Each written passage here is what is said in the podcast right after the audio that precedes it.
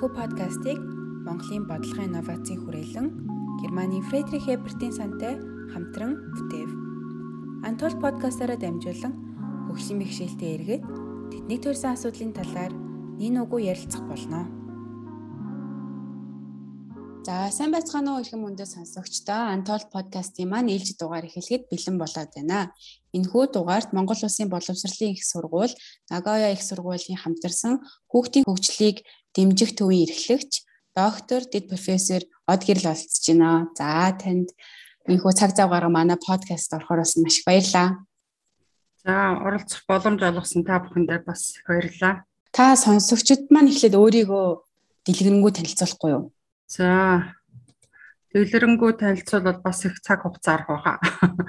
Ажлаад би бол боловсролын салбарт ажиллаад одоо бараг 33 4 жил болж байна. Тийм тэгэхээр анх бол 1984 онд хуучнаар зөвлөлт холбоот улсын Ленинград хотын багшийн дээд сургуулийг бол төгсөж исэн. За дараа нь сургуулаа төгсөж ирээд тухайн үед бол 29 дугаар сургууль гэж хараагүй сонсголгүй хүүхдийн нэг сургууль байсан. Дараа нь энэ сургууль маань хоёр хэсэг болж хуваагдсан байгаа. Тэгэхээр 29 дугаар сургуульд сувг зөөч багшаар бол ажиллаж байсан. За дараа нь 93 онд бол боловсролын яамд тусгай боловсрал хариуцсан тест төшмөлөөр ажиллаж байсан. Боловсролын хүрээлэнд эрдэм шинжилгээний ажилтнаар ажиллаж байгаад за тэгээ Япон Монгол улсын боловсролын яамны одоо гэрээний дагуу Япон улсад судлаач оюутнаар очиод за тэндээ магистрийн зэрэг, докторийн зэрэг хамгаалаад тэндээ ажиллаж байгаад 2010 онд Монголд эргэж ирсэн. За эргэж ирээд төслүүд дээр ажиллаж байсан. За тэгээд дараа нь боловсролын их сургуульд багшаар ажиллаж байгаад за сүүлийн 2016 оноос хойш энэ Мобис Нагуя их сургуулийн хамтарсан хөгжлийн хөгжлийг дэмжих төвийн эрхлэгчээр бол ажиллаж байгаа. Та анх Оросд зөвлөлт холбоод усад болохоор анх сувг зүүчээр ингээд төгсөөд ирсэн. Тэгээ тэрний дараа ингээд Японд яваа сурахад ер нь хэр ялгаатай тань мэдрэгдсэн бэ? Тийм тэгэхээр энэ бол бүр маш их ялгаатай. Тэгээ ялгаатай гэдэг дээр бол зөвхөн Орос Монголын хоорондын ялгаа биш ер нь одоо нийгмийн хөгжил төвшөлтэй уялдуулаад энэ бол Оростой ч гэсэн маш их өөрчлөлтүүд гарсан тийм ээ. Тэгэхээр би бол зөвлөлт холбоот улсын Ленинград хотын багшин дээд сургуульд төгсөн гэж хэлж байна тийм үү. Тэгэхээр одоо тэр зөвлөлт холбоот улсын ч байхгүй Ленинград гэдэг нэртэй хот байхгүй багшин дээд сургууль гэдэг нэртэй юм сургууль байхгүй яаж өөрчлөгдсөн бэ гэхээр Оросын чи Санкт Петербургийн боловсролын их сургууль гэж өөрчлөгдсөн байгаа. За совгцууч гэж мэрэгжил бас байхгүй болсон. Тэгэхээр яагаад байхгүй болсон бэ гэхээр өмнө нь бол энэ совг гэдэг энэ хогтгон энэ чиглэл рүү энэ их анхаарлаа төвлөрүүлж судалдаг байсан бол одоо бол яг тухайн хүн рүү анхаарлаа төвлөрүүлэхээс гадна орчин нөхцөл байдал нь ямар байна уу гэдэгтээ уялдуулаад за энэ дээр бол хүүхдэд ямар хэрэгцээ байна уу орчин нөхцөл байдалд нь ямар өөрчлөлтийг шаардлагатай вэ гэдэг энэ нэр томьёонууд бол бүгд өөрчлөгдсөн байгаа.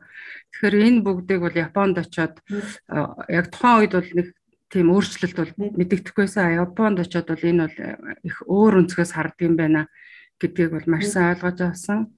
За тэгэд надаас бол бас асуусан л да таны суур мэрэгжил чи юу юм бэ гэд би тэгэхэд бол англиар defectology гэж хэлэхэд бол what what гэл ингээл Тэгэл defectology гэдэг үгийг англиар хайгаал, японоор хайгаал тэгээ бүр ойлгохгүй. За тэгээд энэ чинь японоор кикангаку юм байна гэдэг. Кикан гэдэг нь болохоор э, юу гэдэг тэр э, нэг бэ бэрш гэдэг юм нэг тийм утгатай согохтой эргэтэн гэдэг ийм утгатай хандж байсан л да.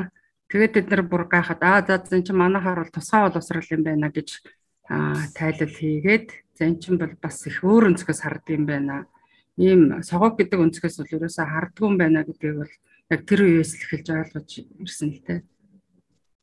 Тэгэхээр харах өнцөг тийм ээ үзэл баримтлал тэр концепт энэ төр нь бол огт өөр байсан. За тэгээд ингээд энэ хоёр өөр зүйлийг харьцуулаад сураад за Монголд ямар орчин нөхцөлд яаж бас буулгаж болох вэ гэдэг бол бодож тунгааж ирж энэ ажлаа эхлүүлээд хийгээд одоо баг цал хамгаалснаас хойш 20 гаруй жил болж байна л да. Монголд ерөнхийдөө дээр үед одоо өмнө нь дандаа Оросоос мэгжилтэнгүүд ирээд Оросд төгссөн мэгжилтэнгүүд ирээд ерөнхийдөө тусгай боловсролын одоо олгодог сургуулиудад ингээд мэрэгчлэлээр ажилладаг байсан гэж сонссон. Тэгээд одоо ч одоо болохоор манай Монгол Улсын боловсролын их сургууль өөрсдөө тустай тусгай боловсролыг одоо зэрэг одоо хамгаалдаг болсон шүү дээ. Тэгэхээр энэ хоёрын ялгаа ерөнхийдөө гэр өөрчлөлт орсон бэ? Яг энэ дээр бол барууны орнууд ч гэдэг юм уу за хуучин зөвлөлт холбоод улс одоо Оросын холбооны улс тийм ээ. Энэ бүгдэд бол өөрчлөлтүүд бол орж байгаа. А манад ч гэсэн өөрчлөлтүүд орж байгаа. А гисэн хэдийч бол яг одоо барууны төвшөнд хүрсэн гэж хэлэхэд бол хэцүү байгаа даа. Энэ дээр ямар жишээ баримт дурдж болох вэ гэхээр боловсролын яамнаас бол мэдээлэл гардаг. За гадныхаар бол тусгай боловсрал шаардлагатай хүүхдүүд гэдэг тэнийг хамруулж байна вэ гэхээр манайх нь бол хараа сонсгол сэтгэц хэл яриа тулгуур эргэтэн хавсарсан гэдэг ийм 6 ангиллаар л хүүхдүүдийн статистик мэдээлэл гарч байгаа. Тэгэхээр гадны орнуудад бол энэ ангилал бол маш олон болсон. За энэ англилд бол таны мэдхүн өөрчлөлттэй хөгтөө, суралцсан бэрхшээлтэй хөгтөө, зан төлөвийн өөрчлөлттэй хөгтөөд анхаарлын дутмагшил хөдөлгөөнтэй эмгэг за аутизмын хүрээний өндөр чадвартай хөгтөөч гэдэг юм. Ингээд энэ англил нь Америкт жишээлбэл 13 англил байх жишээтэй, Японд бол 10 англил байх жишээтэй, Англид 11 байх жишээтэй. А манайх бол энэ нөгөө бие эрхтний сонгогтой гэдэг энэ 6 англилдаа баригдсан ийм байдалтай байгаа учраас ер нь бол энэ чиглэлээр бол нэлээд хоцорч байна гэж хэлж болохоор байгаа. Ер нь бас яам болгон тус тустай статистикуудтэй байдаг шүү дээ тий. Тийм. Тэгэхээр яамдад бол тус тустай статистиктэй байж болно. Яагаад гэвэл тэр боловсролын үнэлгээ, эрүүл мэндийн үнэлгээ, нийгмийн хамгаалалт, халамжийн үнэлгээ ч гэдэг юм. Энэ бол бас өөр өөр байна. Тэгэхээр юу гэдэг тэр нуруу нугасны гэмтэлтэй гэдэг эрүүл мэнд талаас оншилсан хөхд бол боловсрал дээр бол тэр материалог орчин л бүрдсэн байхад а яг нарийн тэр арга зүүн ч гэдэг юм хөтөлбөрийн ч байдаг юм уу энэ тал дээр бол тэр хөхд бол боловсролын үйлчилгээнд дээр бол нэг тийм наривчлсан тусгай дэмжлэг үйлчилгээ аваад авах шаардлага байхгүй оюухан хэвийн хөгжилтэй хөгтөл. Тэгээ одоо энэ тулгуур эртний бэрхшээлтэй хөгтөд ч байна тийм үү? Одоо протесттэй, гартай протесттэй хөлтөөч гэдэг юм уу тийм ээ? Ийм хөгтүүдийн тухайд бол оюун санаа нь эрүүл саруул байгаа тохиолдолд бол тэр хөтөлбөрийн тохиргооч гэдэг юм уу тусгай арга зүйч гэдэг юм. Тийм юм бол төдийлөн шаардлагагүй. Тэднэрт юу хэрэгтэй вэ гэхээр тэр халамжийн үйлчилгээнээс тэр протез нь хэрэгтэй байдаг юм уу? Одоо өөр эрүүл мэнд талаас ямар үйлчлэгээ хэрэгтэй гэдэг. Энийг бол ингэж ялгаж салгаж ойлгох хэрэгтэй. Монголд болохоор ингээл хөгжлийн бэрхшээлтэй гэхээр бүх одоо хүмүүсийн ингээл нэг категорид оруулаад ингээл явцдаг шүү дээ. Тэгэхэд яг үнэн байдал дээр тухайн хүн маань одоо оюуны одоо хөгжил нь янз бүр байхад тэгээ нэг ингээд орчхоор ингээд тийм тухайн нийгмээс ирж байгаа бас хандлага нь бас нэг тухайн одоо хөгжлийн бэрхшээлт иргэдэд өөрөөр нөлөөлөд ах шиг Тийм. Тэгэхээр ер нь бол манайх ямар өнцгөөс хараад байна вэ гэхээр яг бие эрхтний тогтолцоон дээр нь өөрчлөлт орсон тийм ээ. Аа хараагүй, сонсголгүй, хөлгүй, гаргүй ч гэдэг юм уу. Ийм өнцгөөс хараад байдаг. Тэгэхэд тэр хэдийгээр хараагүй ч гэсэн тэр хүн мундаг оюуны потенциалтай байна. Хэдийгээр сонсголж сонсож чадахгүй ч гэсэн дохойныхоо хэлээр яриад тийм ээ. Аа оюуны потенциал нь маш өндөр. Одоо жишээлбэл надтай хамт энэ тусгай боловсрал сурах бичиг ном бичсэн зохиогч багш эмэгтэй байна тийм ээ. Аа тийм учраас энэ боловсролын салбарт бол ямар өнцгөөс харах хэрэгтэй вэ гэхээр яг тухайн хүнд ямар чадвар байна вэ? За ямар чадвар нь алдагдсан бэ? Хэрхэн нөхөн сэргээж болох вэ? Тэр боловсролын салбарт ер нь чадвар гэдэг энэ өнцгөөс нь л тэр хүнийг харж үнэлгээ хийж тэгээ цааш нь хөгжүүлэх гэсэн юм хандлага байдаг. Тэгэхээр энэ боловсролын салбарт хэрхэн яаж харах уу? Яаж авч үзэх үү? За ямар байдлаар үнэлгээ хийх үү гэдэг нь бол бас наривчлаа заагаад өгсөн байдаг л да. Энэ талаар бол Дэлхийн эрүүл мэндийн байгууллагаас гаргасан зөвлөмж байдаг. Тэгээ хөгжлийн бэршил гэдгийг бол яаж авч үзэх вэ? Эрүүл мэндийн салбарт бол өвчин согог гэдэг байдлаар авч үзнэ. Тэгэхээр өвчин согог гэдэгтээ хэн ажиллах вэ гэхээр эмчнэр ажилланаа. Хэн онцлох вэ гэхээр эмчнэр онцлно. За тэгээд эрүүл мэндийн үйлчилгээг хэн үзүүлэх вэ гэхээр эрүүл мэндийн салбарын ажилтнууд үзүүлнэ. А боловсролын салбарт ямар өнцгөөс тэдгээр хүмүүсийг авч үзэх вэ гэхээр яг ямар чадвар нь алдагдаад, ямар чадвар нь одоо давуу байгаад, ямар чадвар нь сул байгаад энэ чадвар гэдэг талаас нь хүүхдүүдийг тийм ээ хэрхэн яаж хөгжүүлэх вэ? оюун ухааны чадвар байна, нийгэм шүүн чадвар байна. За зан төлөв бусад чадваруудыг хэрхэн яаж хөгжүүлэх вэ гэдэг дээр бол боловсролын салбарын ажилтнууд ажилланаа. За энэ дээр бол гадны орнуудад бол маш тодорхой заасан хууль байдаг. Жишээлбэл Америкт бол энэ чадварын өөрчлөлттэй, чадварын алдалттай хүмүүст зориулсан тусгай боловсролын хууль байх жишээтэй. За энэ дээр нь бол яг хэнийг энэ тусгай хэрэгцээтэй хөгтөд гэдэгт хамруулах вэ? Тийм ээ хүнд үйлчилгээ үзүүлэх юм бэ? Хэрхэн яаж үзүүлэх юм бэ? Ямар аргачлалаар үзүүлэх юм бэ? За ямар нөхцөл байдалд ямар хугацаанд үзүүлэх вэ гэдгийг бол ингээд тодорхой заагаад өгсөн хууль хуульчилсан бичиг баримтууд бол байдаг. А манад бол хөгжлийн бэрхшээлтэй хүний эрхийн тухай хууль гэж байгаад маш ерөнхий хөгжлийн бэрхшээлтэй хүн гэж нэг тодорхойлцоод а тэр хуулийнхаа заалтыг боловсролын салбартаа ч авдаг, эрүүл мэндийн салбартаа ч авдаг, нийгмийн хамгааллын салбартаа ч авдаг ийм хэд ерөнхий байдлаар авч үзээд Тэгснээ үндсэн дээр яг онцлог хэрэгцээг нь тодорхойлж мэдэхгүй боловсролын салбарт ялангуяа тийм ээ. А тэгээд дэмжлэг үзүүлэх нь бас төдийлөн тодорхой биш байгаа юм л да.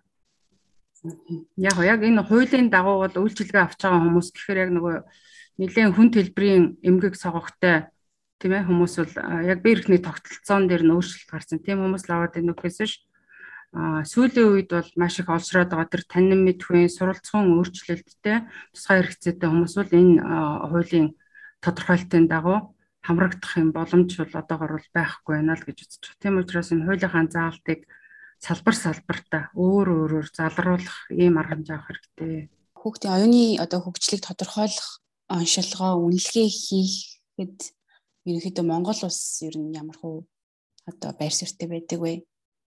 Өмнө нь бас ямар байсан бэ? Өмнө нь тийм ер нь зүйл байсан? Өмнө нь бол ямар байр э, суурьтай байсан бэ гэхээр ер нь оюуханы бэрхшээлтэй хүүхдийн сургуульд хамруулахын тулд тухайн сургуулийн дэргэд комисс байгуулагдаад за энэ хүүхэд бол оюуханы бэрхшээлтэй юм байна гэдгийг бол сэтгцийн эмч тодорхойлоод тийм ээ. За тэгээд тэр хүүхдийн талаарх өөр бусад мэдээллийг бол согцооч багш нар багш нар судалж үзээд За тэгвэл судалж үзэхдээ бол өөр өөрийнхөө арга барилаар судалж үзээд янз бүрийн асуулт асуудаг ч гэдэг юм уу? Тухайн хүүхдийн гэр бүлийн талаар асуугаад за жил тэдэн уйлрал байдгүй чи хинтайгаа амьдэрдгүү? Гэд яг тухайн багш өөртөө ямар арга барил эзэмшсэн байна уу? За тэгээд ямар өөрт нь хэрэглэгдэх юм байна уу? Тийм байдлаар л авч үзэл. За тэгэл дүгнэлтээ гаргаад энэ хүүхдүүд оюуханы бэрхшээлтэй юм байна тусгай сургууль сурах юм байна гэсэн ийм байдлаар ханддаг байсан. Тэгэхээр энэ бол ягаад ийм байдлаар хандж ирсэн? Өөрөөр хэлбэл ерөнхийдөө чанарын судалгаа тийм ээ хийдэг байсан гэж хэлж болно. За тэгэхээр сүүлийн үед энэ сүүлийн үед ч гэлтгүй 1905 оноос хойш барууны орнуудад бол IQ-г тодорхойлох ийм тест боловсруулад маш олон хувилбар гараад маш олон дахин шинжлэгдээд энэ IQ-г тодорхойлох нь бас хэрэгтэй юм байна. Энэ хүүхдийн хөгжлийн ялангуяа оюуны хөгжлийн талаарх бол маш чухал үзүүлэлтүүдийг үзүүлэлтийг IQ-гаар бол гаргаж болох юм байна гэсэн ийм байр суурьтай энэ чиглэлийн судалгаанууд бол маш их байдаг. За энэ чиглэлээр бид сүүлийн 5 6 жилийн Нагояг сургуультай хамтраад Монгол Танака биний оюун ухааны сорил гэдгийг бол боловсруулсан байгаа. За энэ судалгааны ажлыг бол маш нарийн хвчилсэн төлөвлөгөөгөөр төлөвлөгөө гаргаж хийсэн. 1118 хүүхдийг бол хамруулсан. 3 удаагийн судалгаа хийсэн, урьдчилсан судалгаа, туршилт судалгаа, үндсэн судалгаа гэдэг энэ 3 удаагийн судалгаар. Яг Монгол хүүхдийн дундаж стандартыг бол гаргасан. 20-оос 10 настай хүүхдийн IQ дундаж насыг бол гаргаж ирээд за энэ сорилоор бол Монгол хүүхдийн оюун хөгж оюун ухааны хөгжлийн насыг тодорхойлох боломжтой, IQ-г тодорхойлохын боломжтой болсон. Хуучин бол Оросын школоор бол ер нь бол энэ тоон үзүүлэлтийг бол хүүхдийн оюун ухааны сорил IQ-г бол тодорхойлох нь бол учир дутагдaltaй гэдэг ийм шүүмж хандлага байсан учраас энэ чиглэлээр бол төдийлөн наривчлсан судалгаа бол байдгүй. А энэ судалгаа бол яг албан ёсны зохиогчийн эрхийн зөвшөөрөлтэй Японы Танака Бинегийн хүрээлэнгээс бол энэ эрхийн бид нар ашиглах эрхийн зөвшөөрлийг аваад за тэгээд өөрсдөө энэ хувилбарыг боловсруулсан. За энэ хувилбар маань бол 60 орчим хувь нь бол бүр цоо шинээр шинчлэгдсэн маш олон асуултууд бол яг Монгол хүүхдийнхаа тэр Монголын соёл ахуй одоо хэл тийм ээ онцлогт тохируулсан байдлаар бол ингэж өөрчилж за Монгол хүүхдүүдийн дундаж стандартыг гаргасан ийм аргачлалтай болсон. За энэ аргачлалын дагуу бид нэр одоо Танака Бинегийн сорил авагч нарыг бэлтгэх сургалтуудыг бол зохион байгуулад явж байна. Эхний сургалтаа амжилттай зохион байгуулсан. Одоо дараагийн сургалтаа энэ намар зохион байгуулах гэж байгаа.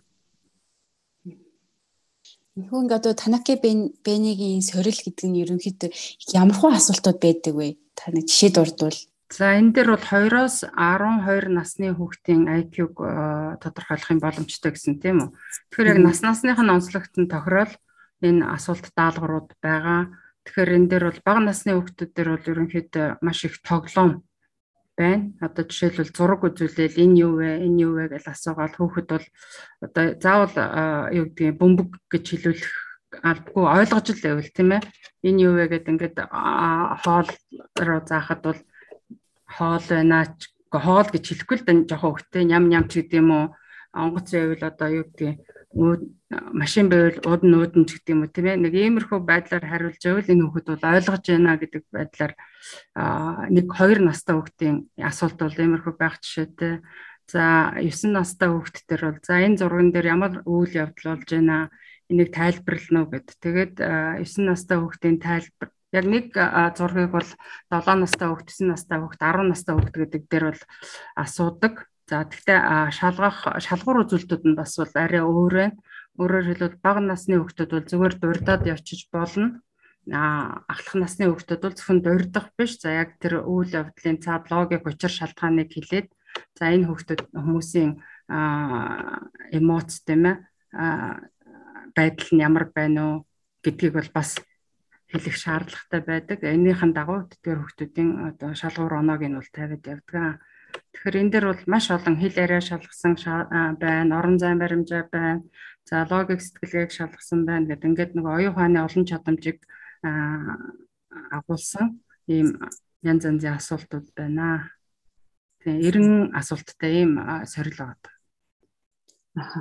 Энэхүү одоо ингээд 1300 гаруй хүүхдээс ингээд аваад явж хахад ерөнхийдөө одоо үр дүн нь ямар хөө гарсан бэ? Монголд ер нь одоо тухайн оюуны одоо ялгаатай хөгжил нь ерөнхийдөө хэр байгаа нь гарч ирнэ. Ямар үр дүн гарсан бол Тийм тэгэхээр эхлээд бид нэр ямар зорилгоор энэ эхлээд нэг 68 хүүхдээс судалгаа авсан. Тэгэхээр энэ асуултууд нь болж гин үү болохгүй байна уу? Юуг нь өөрчлөх шаардлагатай вэ гэдэг дээр бол хүүхдүүдэд шалгаж үзээд за тэгээд ийм олон асуултуудыг бол өөрчлөх шаардлагатай байна гэдэг. За тэгээд энэ асуултуудыг бол өөрчилсөн, шинчилсэн дараагийн удаад бол нэг 300 төвтөөс хот хөдөөгийн ялгаа гарах нь үгүй юу гэдгийг бол шалгаж үзсэн. Мэдээж насны өдөлтүүдийг бол хамгийн нэгдүгээр шалгуураар авсан. Яг зөвхөн энэ асуулт яг 4 настай хүүхдээр таарж гинөө 5 настай байна уу 3 настай байна уу гэдэг юм уу тийм ээ.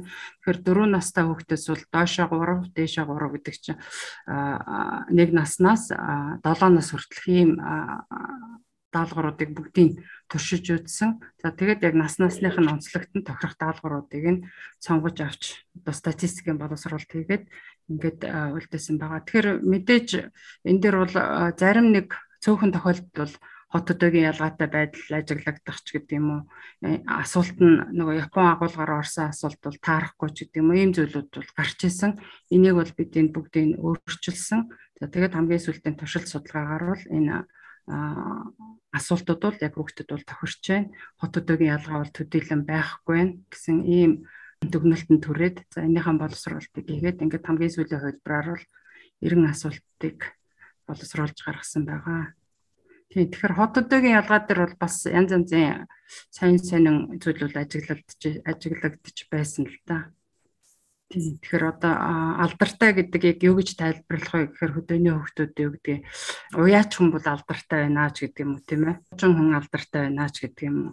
Хөгжил гэж юу гэж ойлгож байна гэхээр хөгжил гэдэг маань одоо хот суурин газрыг хэлнэ ч гэдэг юм уу. Нэг иймэрхүү цөөхөн кейсүүд бол гарч ирсэн л да. Монгол хөвгтүүдийн тухайд бол ямиг ингээд ерөнхийлөөд хараад а ерөнхийлөн дүгнэх чадвар бол маш сайн. А Япон хүмүүс яаж яах вэ? Яг нэг детайлаас эхэлдэг. Нэг ийм зүйл бол бас ажиглагдчихсэн. Тэгээд энэ дээр бол бас зарим нэг даалгавруудыг бид нар бүр хассан юм даалгаврууд байгаа. Ерөөсөн Монгол хөвгтөд онцлогт бол таарахгүй ч гэдэг юм ийм байдлаар. Яг тэр статистик боловсруулалт хийхэд тэр статистикийн үзүүлэлтүүд нь ерөөсөө яг тэр нөгөө насаар ахих гэдэг дээр бол таарахгүй ийм асуултууд бол байсан. Энэ ийм асуултуудыг бид нар хассан байгаа. Жишээлбэл юу гэдэг өдөр сар гараг гэдгийг юу гэж нэрлэх юу гэж нэрлэх вэ гэдэг яг ийм шууд асуулт биш. Арай өөрөөр асуусан. Тэд өдөр тэр хүүхэд ингэж байсан нөгөө өдөр нь ингэсэн гэдэг нэг өдөр сарыг хэлэх энэ асуултан дээр зарим хүүхдүүд болохоор даваа ням лавгч гэдэг юм уу тийм ээ? Энэ байдал нөгөө зарим хүүхдүүд болохоор нэгд өдөр хоёр дахь өдөр гурав дахь өдөр ч гэдэг юм уу? Ийм ялгаатай хариултууд байсан учраас яг эцсийн үр дүн дээр ингээд боловсруулалт хийхээр яг тэр нөгөө нас ахих тусам оноо ахина гэдэг ийм зүйл бол ажиглагддаг. Учираас энийг бол яг тухайн сургалтын орчин нөхцлөөс хамаарсан ийм үзүүлэлтүүд гарч ирсэн. За энэ болохоор статистик боловсруулалт гэхэд бол бас яг аваад хэрэгжилчих юм дата бол болохгүйс учраас ингээд зарим асуултуудыг бол хассан асуултууд бол бас байгаа. Доошхоор энэ Танака Бэнийг Монголын одоо нөгөө нөхцөлд ингээ нутагшуулаад Монг ТБ гэдээ гаргацсан байгаа ш. Тэгээд ерөнхийдөө энэ сорилыг маань одоо ерөнхий боловсролын сургуулиудад хэрэг ашиглаж байгаа вэ? Тийм, одоо л бид нар сорил авагч нарыг бэлтгэж байгаа. Тийм учраас ер нь бол цаашид бол ашиглаад явах байхаа. Тэгэхээр ер нь бол хэвийн хөгжилтэй хүүхдүүд дээр энэ сорилыг бол төдийлөн ашиглаад ах тийм онцгийн шаардлага бол байхгүй А яг хэвийн гэдэг үзүүлэлтүүдийг бид нар бол гаргацсан байгаа шүү дээ тийм үү. Тэгэхээр хэвийнээс доош юм уу, хэвийнээс дээш юм уу тийм ээ. Энэ гоц аяастай хүмүүс байж болно. А оюуны хоцрогдолтой ийм хүмүүс байж болно. Тэгэхээр эдгээр хүмүүсийг ялгаж салгаад эдгээр хүмүүстэд ямар дэмжлэг үзүүлэх вэ гэдэг зорилготойгоор анх Франц эрдэмтэн Альфред Бине энэ тесттэй бол өөрийнхөө сорилыг бол боловсруулсан байдаг. Тэгэхээр бидний баримталж байгаа зарчимч бол ялгаагүй хүүхдэд ялгаатай байдлыг нь харгалзан оновчтой энэ боловсролын агуулгыг тогтоохын тулд би энд нэр энэ хүүхдийн IQ-г мэдж явах хэрэгтэй. Эцсийн зорилго бол хүүхдийн хөгжлийг дэмжих зорилготой л энэ тест боловсруулагдсан гэж ойлгож байна. Ерөнхийдөө одоо Монголын хэмжээнд тусгай хэрэгцээт боловсрал боловсрал болохоор таны бодлоор ямар төвшөнд явж байгааг боддог вэ? Тийм тэгэхээр мэдээж бид нар Монголын хэмжээнд ямар байна вэ гэдгийг хэлхийн тулд тийм ээ яг хэвээр вэ гэхээр за бусад орны тусгай боловсрал гэдгийг хэрхэн яаж авч үзэж гэнэ үү? За тэрнтэй харьцуулахад ер нь ямар байна уу? Зарим нь бол одоо ингээд болж байна их сайхан сайхан шийдвэр бичиг баримт юу гэдэг эргэцэн орчин бүрдээд ингээд болж байна гэж авч үзэж явах жишээтэй тийм ээ. Тэгэхээр би бол Ер нь өөрөө энэ Японд энэ чиглэлээр сурсан. За тэнд бас ажиллаж байсан.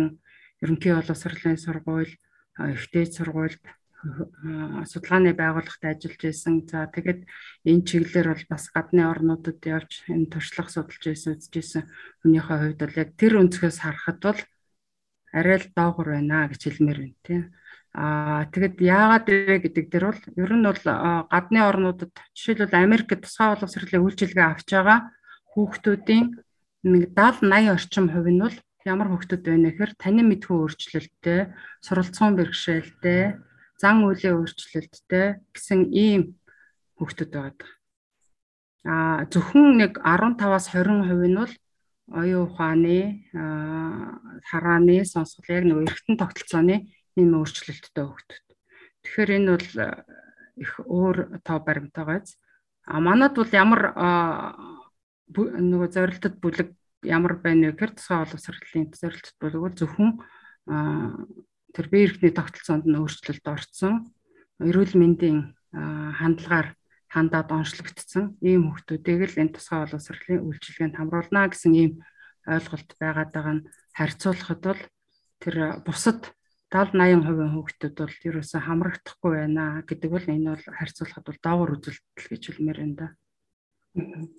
Одоо тэр 70 80 одоо хувийг эзэлж байгаа хүүхдүүд нь ерөөхдөө одоо Монголд яг юу хийгээд яваад байгаа юм бэ? Өөрсдийгөө тим гэдгээ мэдэхгүй л яваад байгаа гэсэн үг үү? Тэр хүүхдүүд бол өөрсдийгөө тим гэж мэдэхгүй тийм үү? Эцэг эхэн ч бас төдийлөн сайн мэдхгүй. А яг ингээд хичээл ороод тайлбарлаад ойлгоод ингэсний үндсэн дээр л мэдээж ойлгоо шүү дээ тийм ээ. Тэгэхээр энэ чиглэлээр бол манай Монгол Улсын боловсролын сургууль дээр бол хичээл орж байна. Оюутнууд дадлагт гарч байна. Дадлагт гарч байгаа оюутнууд юу гэж хэлж байна вэ гэхээр багшаа яг ийм ийм ийм хүүхдүүд байна. Одоо яах вэ? Заримдаа эцэг их нь хүлээн зөвшөөрөхгүй байна. Багш нар нь бол хүлээн зөвшөөрöd байна. Яг тийм юм байна энэ хүүхэд суралцсан бэрхшээлтэй юм байна. Энэ хүүхэд бол аутизмын хүрээний эмгэгтэй юм байна ч гэдэг юм уу тийм ээ. Ийм асуудлууд бол гардаг. А зарим ойлгосон багш нар бол зөвлөгөө аваад за энэ чиглэлээр гарсан ном их сурвалж уншаад тэдгэр хүүхдүүдтэйгээ бол ажиллаад явж байгаа. А зарим багш нар бол энэ залах уу, энэ юу гэдэг нь зожиг энэ юусоо хичээл хийдгүү гэсэн ийм хандлагатай л байдаг. Тэгэхээр бид нар нэг судалгаа хийсэн л дээ 380 гаруй багш нараас судалгаа авсан. За танад ямар ямар асуудалтай хүүхдүүд байна вэ? Гэхэд бол бас л тэр анхаарлаа төвлөрүүлж чаддгүй, хэд хөдөлгөөнтэй одоо юу юм бусадтай нийцэмжгүй, ууртай, уцаартай ийм хүүхдүүд бол байдгаа гэдэг яг нөгөө 70 80% хамаарагдах шинж тэмдэг бүхий хүүхдүүдийг бол нэрлээд байгаа. А гисэн хідээч тэдгээр хүүхдүүдтэйгээ яаж ажилддаг вэ гэхээр даалгавар өгдөг, ганцаарчилж ажилдаг, уншуулдаг, бичүүлдэг, тоо бодуулдаг гэсэн иймэрхүү хариултуудыг өгсөн байдгийг.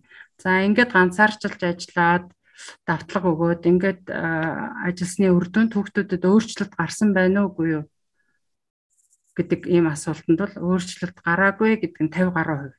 На өөрчлөлт гарсан гэдэг дээр нэг 10 орчим хувь. А ерөөсөө ямар ч ахиц байхгүй байна гэдэг дээр бол бас нэг 20 орчим хувь иймэрхүү хариултуудыг өгчээсэн л та.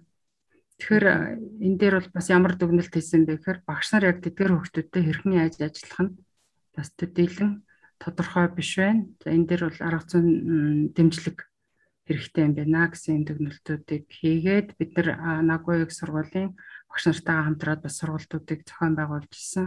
За сүүлийн үед бол энэ ковидоос болоод бас энэ сургалтууд бол завсарцсан байгаа.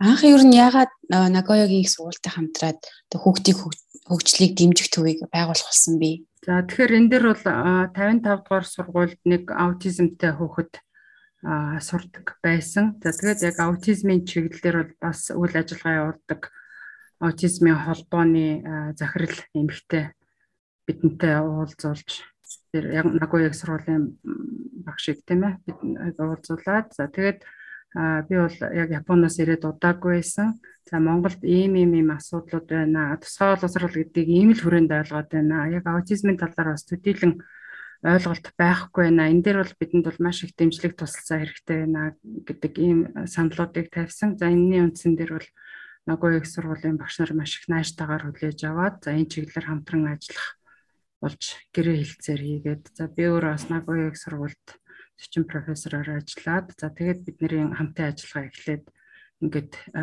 төслүүд судалгааны ажлууд хэрэгжээд явж байгаа. Одоо ч гэсэн энэ Танака Бинег түгээн дэлгэрүүлэх сургалтыг хамтран зохион байгуулж байгаа. Бусад ажлуудыг бас судалгааны ажлуудыг төлөвлөд хийж байгаа. Нэгэд ингээд тусгай хэрэгцээд боловсрал гэж ярихаар ихэвчлэн Японы одоо энэ сургалт ч юм уу Япон Японд төгссөн хүмүүс байдаг. Бас хөгжлийн мэхшээлтэй хүмүүс гэж ярихаар бас ингээ Японд яваад, Япон яваад, Японы одоо Японд тим юм байсан гэх юм уу. Одоо тийм загвар туршлах ч юм уу тийм зүйлийг ерөөдөө ярьдаг Монголд тийм хүмүүс маш их байдаг. Тэгэхээр яагаад юу н хөгжлийн мэхшээл гэж ярихаар Япон гэдэг уус давхар гарч ирдэм бол Тий, зөвхөн энэ салбартч гэлдэггүй тийм ээ. Энэ боловсролын гэдэг юм уу нийгмийн хамгааллын эрүүл мэндийн гэлдэггүй. Ер нь бол Японы ард тум бол зах зээлийн эдийн засаг руу шилжих үед л манай Монголд тусалж эхэлсэн шүү дээ тийм ээ. За тэрнээс хойш бол мэдээж эдийн засгийн салбар за тэгээд энэ бусад салбарт бол маш их хөрөнгө оруулалт хийжсэн. А сүүлийн үед бол ялангуяа энэ боловсролын салбарт маш их хөрөнгө оруулалт хийж байгаа. А энэ дээр би бол өөрөө яг Японд сурч төгссөн учраас энэ Япон хүмүүстэй бол хэл ам ойлголцох ч гэдэг юм уу тийм ээ энэ чиглэлээр бол бас арай илүү дөхөм юм болов гэж бодож байгаа. Тэгээд ч Агуяг сургууль бол яг Японд энэ тусгай хэрэгцээтэй хүүхдүүдийг за ялангуяа тэр аутизмын хүрээний эмгэг ADHD гэж анхаарлын тутмагшил хэд хөдөлгөөнтэй эмгэг суралцсан бэрхшээлийн энэ манад төдийлөн онцлогдоогүй энэ чиглэлээр ажиллах бол маш их туршлагатай. За бидний хамтарч ажиллаж байгаа төв маань одоо 60 70 жилийн түүхтэй яг энэ чиглэлээр үйл ажиллагаа явуулаад ирсэн. За хүүхдийн хөгжлийн үнэлгээ онцлогоо хийдэг, зөвлөгөө өгдөг ийм төвтэй бол бид нарт хамтарч ажиллаад за тэгээд би бас саналаа хэлээд яг ийм төвийг бол Монголд байгуулмаар байна гэдэг ийм саналаа хэлсний үндсэн дээр аа за тэгээд энэ хоёр сургууль бас хоёр сургуулийн удирдлага энэ чиглэлээр бас маш сайн ойлгож дэмжиж энэ төвийг бол байгуулсан ийм төвхтэй одоо төв маань байгуулагдаад 4 5 жил болж байна. Та Японд төгсөж ирчээд яагаад юу н одоо ингээд боловсролын салбарт ороод ажиллаа тэгээд яг энэ салбараа ингээд хөгжүүлээ гэд сэтгэл шолуудад явсан бэ. Тий, тэгэхээр Японд төгсөж ирээд гэлтэхгүй л дээ. Би ер нь түрүүн хэлсэн тийм ээ зөв толгойд улсад бол яг багшийн дэд сургууль төгссөн. За энэ чиглэлээр ажилласан. За энэ чиглэлээр ажиллахдаа бол эхлээд бол хараа сонсголын бэрхшээлтэй хүүхдийн сургуульд ажиллаж байсан. За энэ дараа нь бол нэг оюун ухааны бэрхшээлтэй хүүхдүүдийн чиглэлээр бол бас өөрийн судалгаагаа хийсэн. Тэгэхээр ягаад оюун ухааны бэрхшээлтэй хүүхдүүдийн талаар судалгаа хийсэн бэ гэдэг дээр бол боловсролын яамд 93-аас 95 онд ажиллаж байхад ер нь оюун ухааны бэрхшээлтэй хүүхдүүдийг онцлоод байгаа онцлогооны аргачлал тийм ээ бас дутмаг юм байна. За тэгээд энэ тусгай оюун ухааны бэрхшээлтэй хүүхдүүдийг хамруулдаг тусгай сургуульд зөвхөн оюун ухааны бэрхшээлтэй хүүхдүүд биш өөр бусад хүүхдүүд байна гэдэг ийм ажиглалтыг бол хийсэн. За тэгээд энэ бол яаж онцлоод яг энэ хүүхдүүд маань яг үнэхээр оюун ухааны бэрхшээлтэй юм уугүй юу гэдгийг бол тодруулах шаардлагатай юм байна гэдэг энэ судалгааны асуултыг бол дэвшүүлээд яг энэ чиглэлээр судалгааныхаа ажлыг хийгээд ямар үр дүн төрсөн бэ гэхээр яг тухайн үед шүү дээ тийм ээ 98 онд би бол докторийн хөтөлбөрт хамрагдаад судалгаагаа хийж эхэлсэн. За 2002 онд судалгаагаа дууссан. За энэ хооронд хийсэн ажлын маань үр дүн юу гэж гарсан бэ гэхээр ер нь бол тусгай сургуульд хамрагдаж байгаа хүүхдүүдийн 60% нь бол хөнгөн хэлбэрийн оюуханы бэрхшээлтэй байна 40% нь бол ерөөсөө оюун ухааны бэрхшээлгүй юм байна тийм ээ оюун ухааны IQ нь бол одоо дундаж үзүүлэлттэй а зарим хүүхдүүдийнх бүр өндөр үзүүлэлттэй ийм хүүхдүүд бол тусгай сургуульд хамрагдаж байна. Тэгэхээр энэ онцлогооны аргачлалыг бол маш наривчилж гаргаж ирэх шаардлагатай гэдэг ийм дүгнэлтүүдийг бол өөрийнхөө диссертацийн дүгнэлтэнд бол бичижсэн л да. За тэгээд дараа нь ийм боломж гараад Нагояг сургуультай хамтраад энэ аргачлалыг боловсруулад одоо ингээд харьцуулаад бас тусгай сургуульд яг ямар хөгтөд байна вэ гэд энэ аргачлаараа шалгаад үзэх юм бол бас өөр үр дүн гарах байх л та.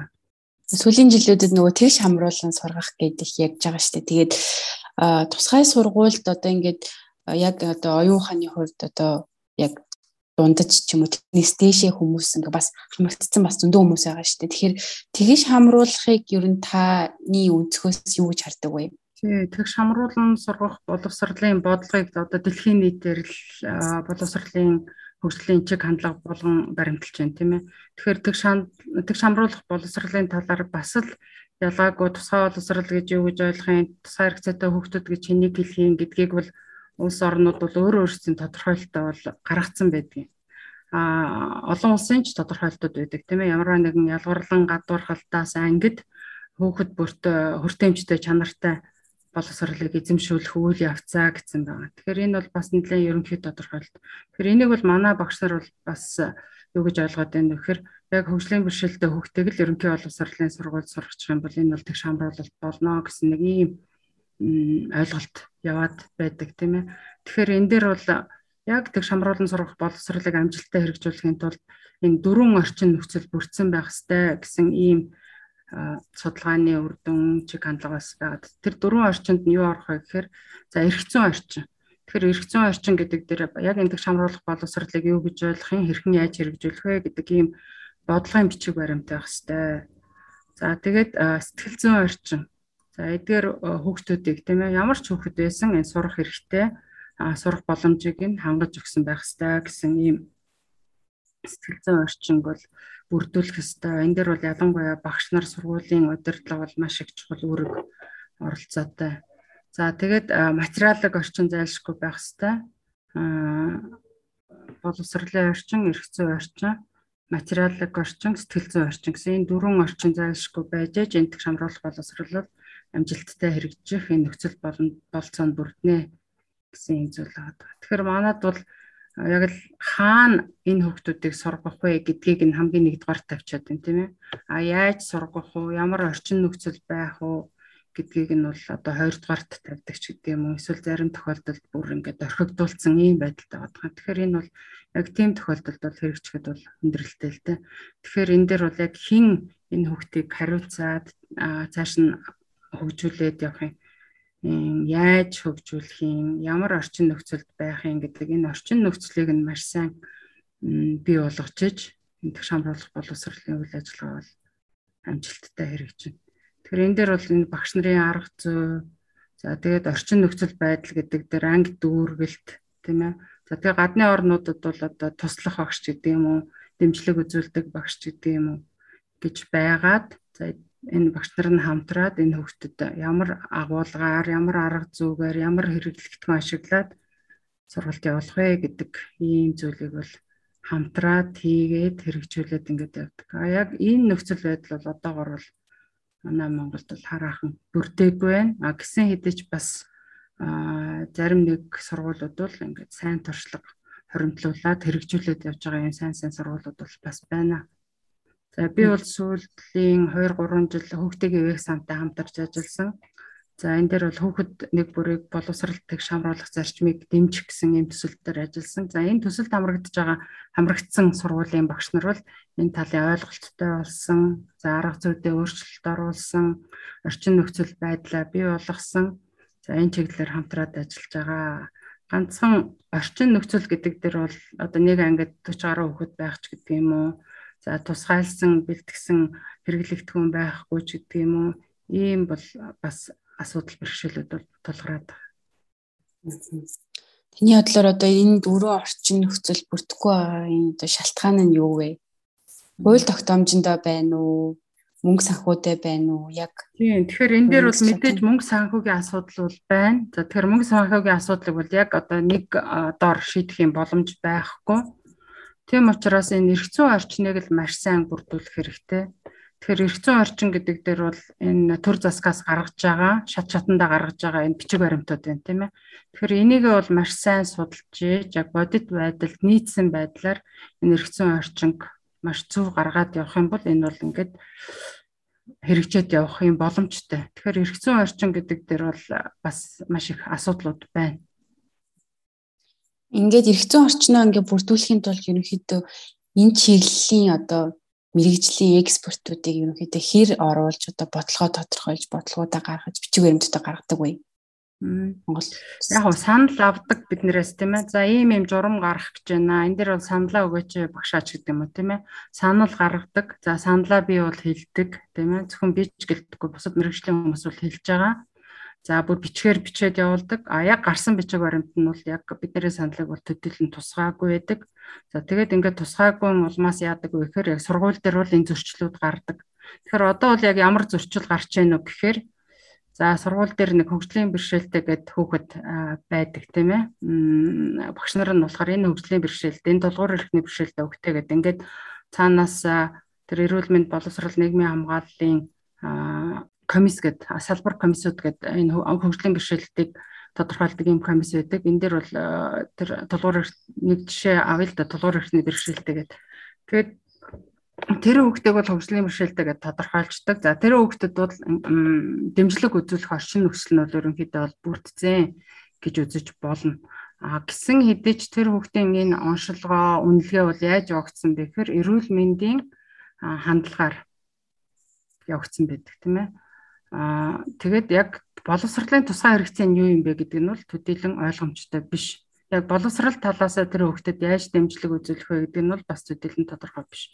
За нэг ийм асуудал тулгараад идэх. За нөгөө талаас нөгөө анхаарлаа төвлөрүүлж чаддаггүй хэд хөдөлгөөнтэй ийм хөхд ерөнхий боловсролын сургуульд бол сүүлийн үед бол маш их олширч байна. За тэгээд тэдгээр хүүхдүүдтэй ингээд ганцаарчилж ажиллая, дэмжлэг үзүүлье гэхээр яг албан ёсоор тэр хүүхдүүдийг бол хөгжлийн бэрхшээлтэй гэж тодорхойлоогүй. Тийм учраас тэр хүүхдэд бол ингээд дэмжлэг үзүүлэх орчин нөхцөл байдал нь бүрдээгүй юм байх жишээ. Яагаад гэвэл боловсролын яамнаас гаргасан 292 дугаар гэж тушаал байгаа. Тэр болохоор зөвхөн хөгжлийн бэрхшээлтэй хүүхдүүдийг боловсралд тэгш хамруулах гэсэн ийм журам гаргацсан байдаг. Тэгэхээр хөгжлийн бэрхшээлтэй гэдэгтээ нөгөө 6 ангиллал оруулцдаг. Нөгөө 6 ангиллалд нь багтаагүй ийм хүүхдүүд бол дийлэн хувийг эзлээд байдаг. Тэгэхээр энэ яаж яах вэ гэхээр энэ хүүхдийн талаар асуудлыг хөндөх юм боломжгүй болчихдог. Тэгэхээр энэ дээр бол яг ерөнхий боловсролын сургуулийн багш нар бол ийм ийм асуудалтай хүүхдүүд их байна багшаа яах вэ гэдэг. Тэгэхээр энэ онштой оншгүй одоо тэр хөгжлийн бэрхшээлтэй гэдэг тодтолтой тодтолгүй хүүхдэд дэмжиж явахаас өөр арга байхгүй. А дэмжих арга зүйн бол ийм юм байна гэдэг талаар бол бид нэр зөвлөгөө өгöd явж байгаа л да. Тэгээ бас нөгөө сүүлийн үед чинь яг одоо нэг ангид бараг 30 40 40-оос дээш хүүхдүүд байгаа ш. Тэгээд нэгэн багштай. Тэгээд тэр дунд одоо жишээлх юм бол анхаарал нь одоо удаан анхаарал нь тогтургүй тийм хүүхэд байлаа гэхэд багш маань одоо ганцаараад ингээд тэр хүүхд төр тулж бас ажиллахад хүндрэлтэй байдаг. Тэгэхээр энэ асуудал ерөнхийдөө яаж шийдэгдвэл зүгээр юм бол Тийм тэгэхээр энэ бас л нөгөө орчин бүрдээгүй байна л гэсэн үг тийм ээ. А тэгэхээр энэ орчныг яаж бүрдүүлж ирж байна вэ? Ямар туршлага байна вэ гэхээр Японд бол ерөнхий боловсролын сургууль болгонд сургууль бүрдий байдаг гэхээр тусгай боловсролын координатор гэж мэрэгжлийн хүн байдаг. Тийм. Тэгэхээр энэ мэрэгжлийн хүмүүс бол энэ хүүхдтэй яаж ажиллах уу, хэрхэн ажиллах уу энэ асуудлуудыг бол хариуцаад зохицуулаад явдаг. А тэрнээс гадна бас хүүхдийнхээ онцлогоос хамаарат тухайн хүүхдэд тухайн ангид тийм ээ туслах багш гэж ажилладаг. Тэгэхээр нэг ангид бол ерөнхий эрдмийнхаа хичээлийг заагаад явдаг нэг багш байх жишээтэй хажууд нь туслах багш гэд ингээд team teaching гэж хэлдэг шүү дээ. Тийм ээ ингээд багаар хамтарч ажиллаад энэ хөгтийг бол дэмжиж ингээд явдаг. Ийм туршлагууд бол байдаг. Аа тэгэхээр энэ орчин нөхцөлийг бүрдүүлэх гэдэг дээр бас их судалгаа хийж ямар хүмүүсийг ерөнхий боловсролын сургуульд ажилуулах вэ гэдэг дээр бас нэг арга шийдэл гаргавал бас их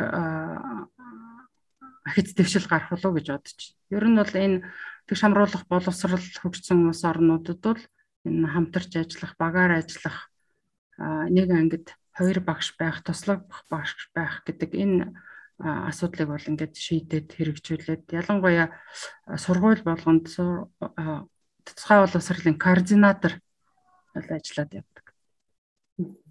Тасаа сэтгэл зүйн орчин гэдэг үрдсэн. Тэгэхээр энэ сэтгэл зүйн орчин гэдэг нь болохоор одоо тухайн багш болон сургуулийн удирдлагууд тухайн хүүхдэд хандах хандлага юм уу яг юу гэдэг юм бол тэр нь Тийм тийм сэтгэл зүйн орчин гэдгийг бол хамгийн нэгдүгээр тавих хэрэгтэй. Тэгэхээр энэ дээр бол зөв сургуулийн удирдлага орно, сургуулийн бусад ажилтнууд орно. За мэдээж хамгийн нэгдүгээрт бол анги удирдсан багш байна. За тэгээд сургуулийн хүүхдүүд хүүхдийг тухайн тусгай хэрэгцээтэй хүүхдийг бас зөв ойлгож хүлээж авах хэрэгтэй. Ялгаатай байдлыг нь хөндлөх хэрэгтэй. За тэгээд зөвхөн хүүхдүүд гэлтгүү хүүхдүүдийн эцэг эхчүүд бас зөвөр ойлгож хүлээж авах хэрэгтэй. Тэгэхээр энэ дээр бол бас хэрхэн яаж ойлголт өгөх вэ гэдэг дээр бас нарийн нарийн заавар зааварчилгаа бид нар бол сургалтын үеэр өгöd явдаг. Тэгэхээр энэ ажлыг хийж ээжл тэр сургуулийн бүрэлдэхүүн нэг хэсэг би мөн байна гэдэг ийм ойлголт авчиж тэр хөхөд таатай орчин нөхцөл байдал сурна гэхээс биш ямар нэгэн байдлаар ялгарлан гадуурх юм бол суралцах таатай орчин нөхцөл байдал бүрдэхгүй тохиолдолд бол энэ хин хиндэ эрсдэлтэй тэр тусгай хэрэгцээтэй хүүхдэд ч эрсдэлтэй нөгөө бусад хүүхдүүд гэсэн эрсдэлтэй. А ийм суралцах таатай аюулгүй тийм ээ орчин нөхцөлийг бий болгосон тохиолдолд хүүхэд бол цаашид бол хөгжих боломж нь бүрднэ гэсэн.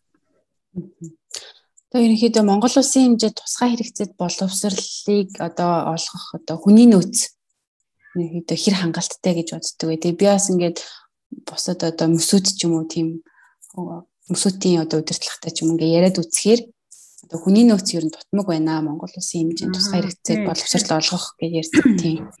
Тэгэхээр энэ дээр бол яг ямар хүмүүс энэ тусгай хэрэгцээтэй хүүхдүүдтэй ажиллах юм бэ гэдэг дээр бол ер нь багшийн суур мэрэгжлийн хичээлүүдийг үтсэн хүүхдүүд энэ дээр хүүхдтэй ажиллах боломжтой. А хэрвээ нарийн жишээлбэл аутизмтэй аутизмын хүрээний эмэгтэй хүүхдтэй ажиллана гэх юм бол энэ аутизмын чиглэлээр үйл ажиллагаа явуулж байгаа мэрэгжлийн байгууллагууд гэдэг ингээд гадны орнуудад байдаг.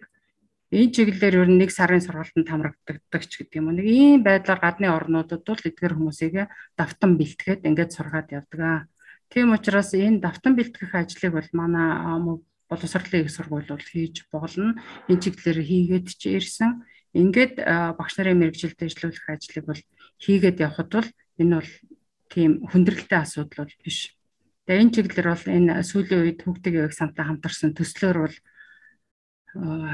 хэдэн зугаад маш олон багш нарыг бол бэлтгэж гаргасан байгаа. Эдгээр багш нар бол маш амжилттай хүүхдүүдтэйгээ ажиллаад энэ арга зүйн өөрчлөлт шинжилтүүдэд хийгээд ингээд хөтөлбөртөө тохиргоо хийгээд ингээд амжилттай хүүхдүүдийг сургаад хөгжүүлээд ингээд явж байгаа ийм сайн туршлага бол бас байгаа. Тэгэхээр энэ хандах хандлага үзэл баримтлал энэ юмд маш сайн өөрчлөлт оруулах хэрэгтэй. Монголд тэгтээ жоохон нөгөө хөгжлийн бишэлтийг гэхээр ингээд нэг хандлага нь нэг тийм сөрөг байдаг шүү дээ. Ерөнхийдөө ингээд зүгээр одоо наад захын одоо хүний одоо одоо хандлагын ингээд өөрчлөхийн тулд ерөнхийдөө юу хийх шаардлагатай байд юм бол Тийм ер нь хөгжлийн бэрхшээл гэдэг үг өөрөө энэ сөрөг хандлагыг бий болгоод байгаа гэж би хардгийн. Тэгэхээр энэ англиар бол disability гэж үг байгаа л да. Түгээмэл хэрэглэгддэг. Яг энэ энэ салбарт хэрэглэгддэг үг.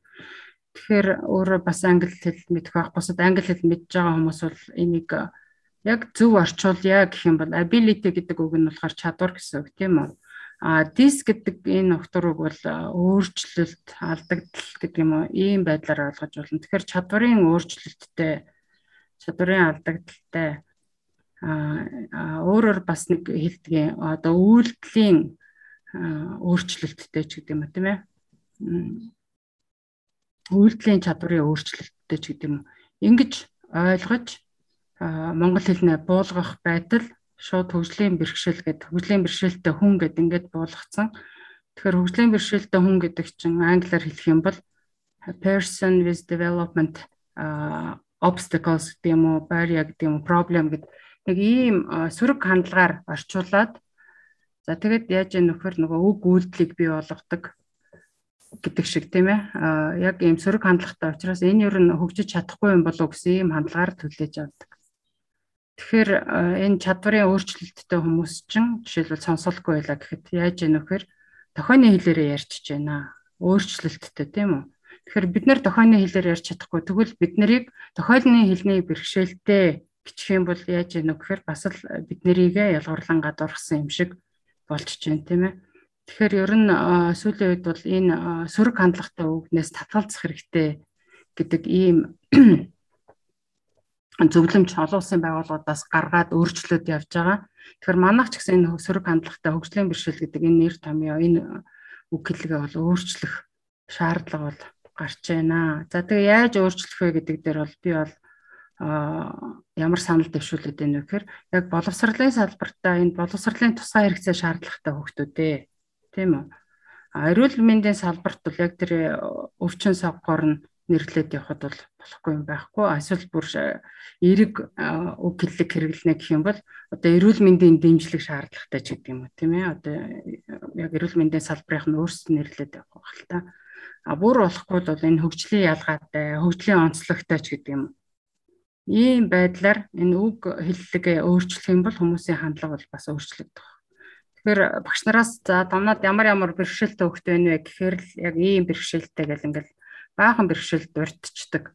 А танад ямар онцлогтой хөвгт байна вэ гэхээр яаж ийм нөхөр за ийм дуул хавьяастай ч гэдэг юм уу энэ хөдөөнөөс ирсэн ч гэдэг юм уу ийм ингээд энэ онцлогуудыг нэрлээд явдаг нь яаж ийм нөхөр нэг асуулт яаж тавьж гэнэ үү үүнээс хамаарал тэр хариулт нь бол бас арай өөр байна. Тэгэхээр энэ хөгжлийн онцлогтой гэд нэрлэх юм бол бас ханд хандлага ч гэсэн өөрчлөгдөх болов уу гэж бодож байна л да. За ерөнхийдөө манай подкастын цаг өндөрлөгдөх чинь тэгээ танаас сүүлийн асуултаа асууя. Ковид цар тахлын нөлөө одоо энэ тусгай хэрэгцээд боловсрал одоо шаардлагатай хүүхдүүдэд болон танаа бас нөгөө Монгол Улсын боловсролын их сургуульд хэрхэн нөлөөлж байгаа вэ? Мөн таны ажилд? Аа. Тийм тийм дэлхийд даяар энэ цар тахалд одоо хамрагдаад тийм ээ. Энэ мэдээж нөлөө бол одоо эерэг нөлөөч байна. Одоо сөрөг нөлөө нь мэдээж бол давуу дамгаалсан байна. Ялангуяа энэ тусгай хэрэгцээтэй хүүхдүүдтэй ажиллах орчин нөхцөл байдал гэдэг бол яг нэг тусгайлсан бэлдсэн ийм орчин нөхцөл байх хэвээр багш нар нь хүүхдүүдтэйгээ тулж ажиллах хэвээр байдаг. Тэгэхээр энэ тал дээр бол энэ хүүхдүүд маань маш их хүнд байдалд орсон ийм байдалтай байгаа. Тэгэхээр энэ дээр бол асуудал хүүхдүүдэд байна гэдэг ийм өнцгөөс харах биш асуудал бол одоо эргэн тойронд одоо биднэрт байна бид энэ асуудлыг хэрхэн яаж шийдвэрлэх вэ гэдэг дээр бол хүн болгон дор дороо ажиллаж өөрсдийн санал бодлоо дэвшүүлж тэгээ хамтран ажиллаад энэ олон асуудлуудыг даван туулахад бол хувь нэмрээ оруулах байхаа гэж бодож байна. Тэгэхээр энэ дээр бол дахин хэлэхэд энэ сэтгэл зүйн орчин гэдэг бол маш их чухал л да. За тэгээд саяын хөгжлийн бэрхшээл гэдэг үг гэж байна. Энэ хоцрогдолтой хүүхдүүд, хоцрогдолд орсон хүүхдүүд гэдэг энэ сүүлийн үед бас их яриад байна л да. Тэгэхээр хоцрогдолд орсон хүүхдүүд гэхээсээ илүү энэ хоцрогдлыг бий болгосон одоо учир шалтгаан тийм ээ энэ хоцрогдлыг даван туулахын тулд бид юу хийх ёстой юм бэ гэдэг энэ өөрсдөөсөө бид юу хийх ёстой юм бэ гэдэг ийм өнцгөөс харж энэ ажлуудаа эхлүүлээд хийгээд явах шаардлагатай юм болоо. Тэгэхээр энэ дээр бол энэ нэр томьёо үг хэллэг за тэгээд асуудалд хандах хандлага, эргээр хандах хандлага гэдгийг бол бас их чухалчилж авч үзмээр байна. Тэгэхээр хамгийн амьдралд байдаг хамгийн том бэрхшээл бол сөрөг хандлага байдаг гэж ярьдаг тийм ээ. Тэрнээс биш яг энэ хүүхдүүд асуудалтай байгаа юм бишээ.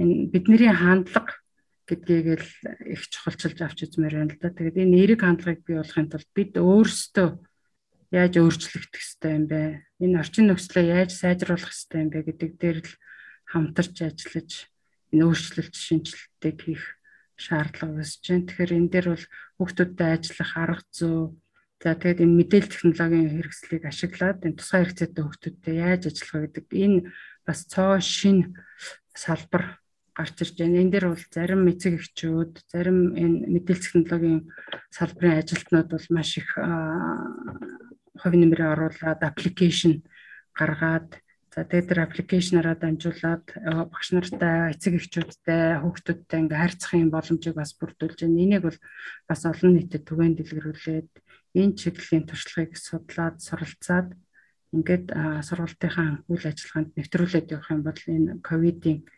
үеийн хүндрэлүүдийг давах юм боломж гарах болов гэж бодож байна. За, ийхүү цаг зав гаргаа манай подкаст орсон тань маш баярлалаа. Тэгээд таны цаашдын ажил үйлсэнд амжилтыг хүсье. За баярлалаа. Хэвээ танд подкастын маань энэхүү дугаар таалагдсан бол илүү олон хүнд түгээхээ битгий мартаарай. Мөн subscribe товчийг дарснаар та шинэ дугааруудыг маань цаг алдалгүй сонсох боломжтой болно шүү.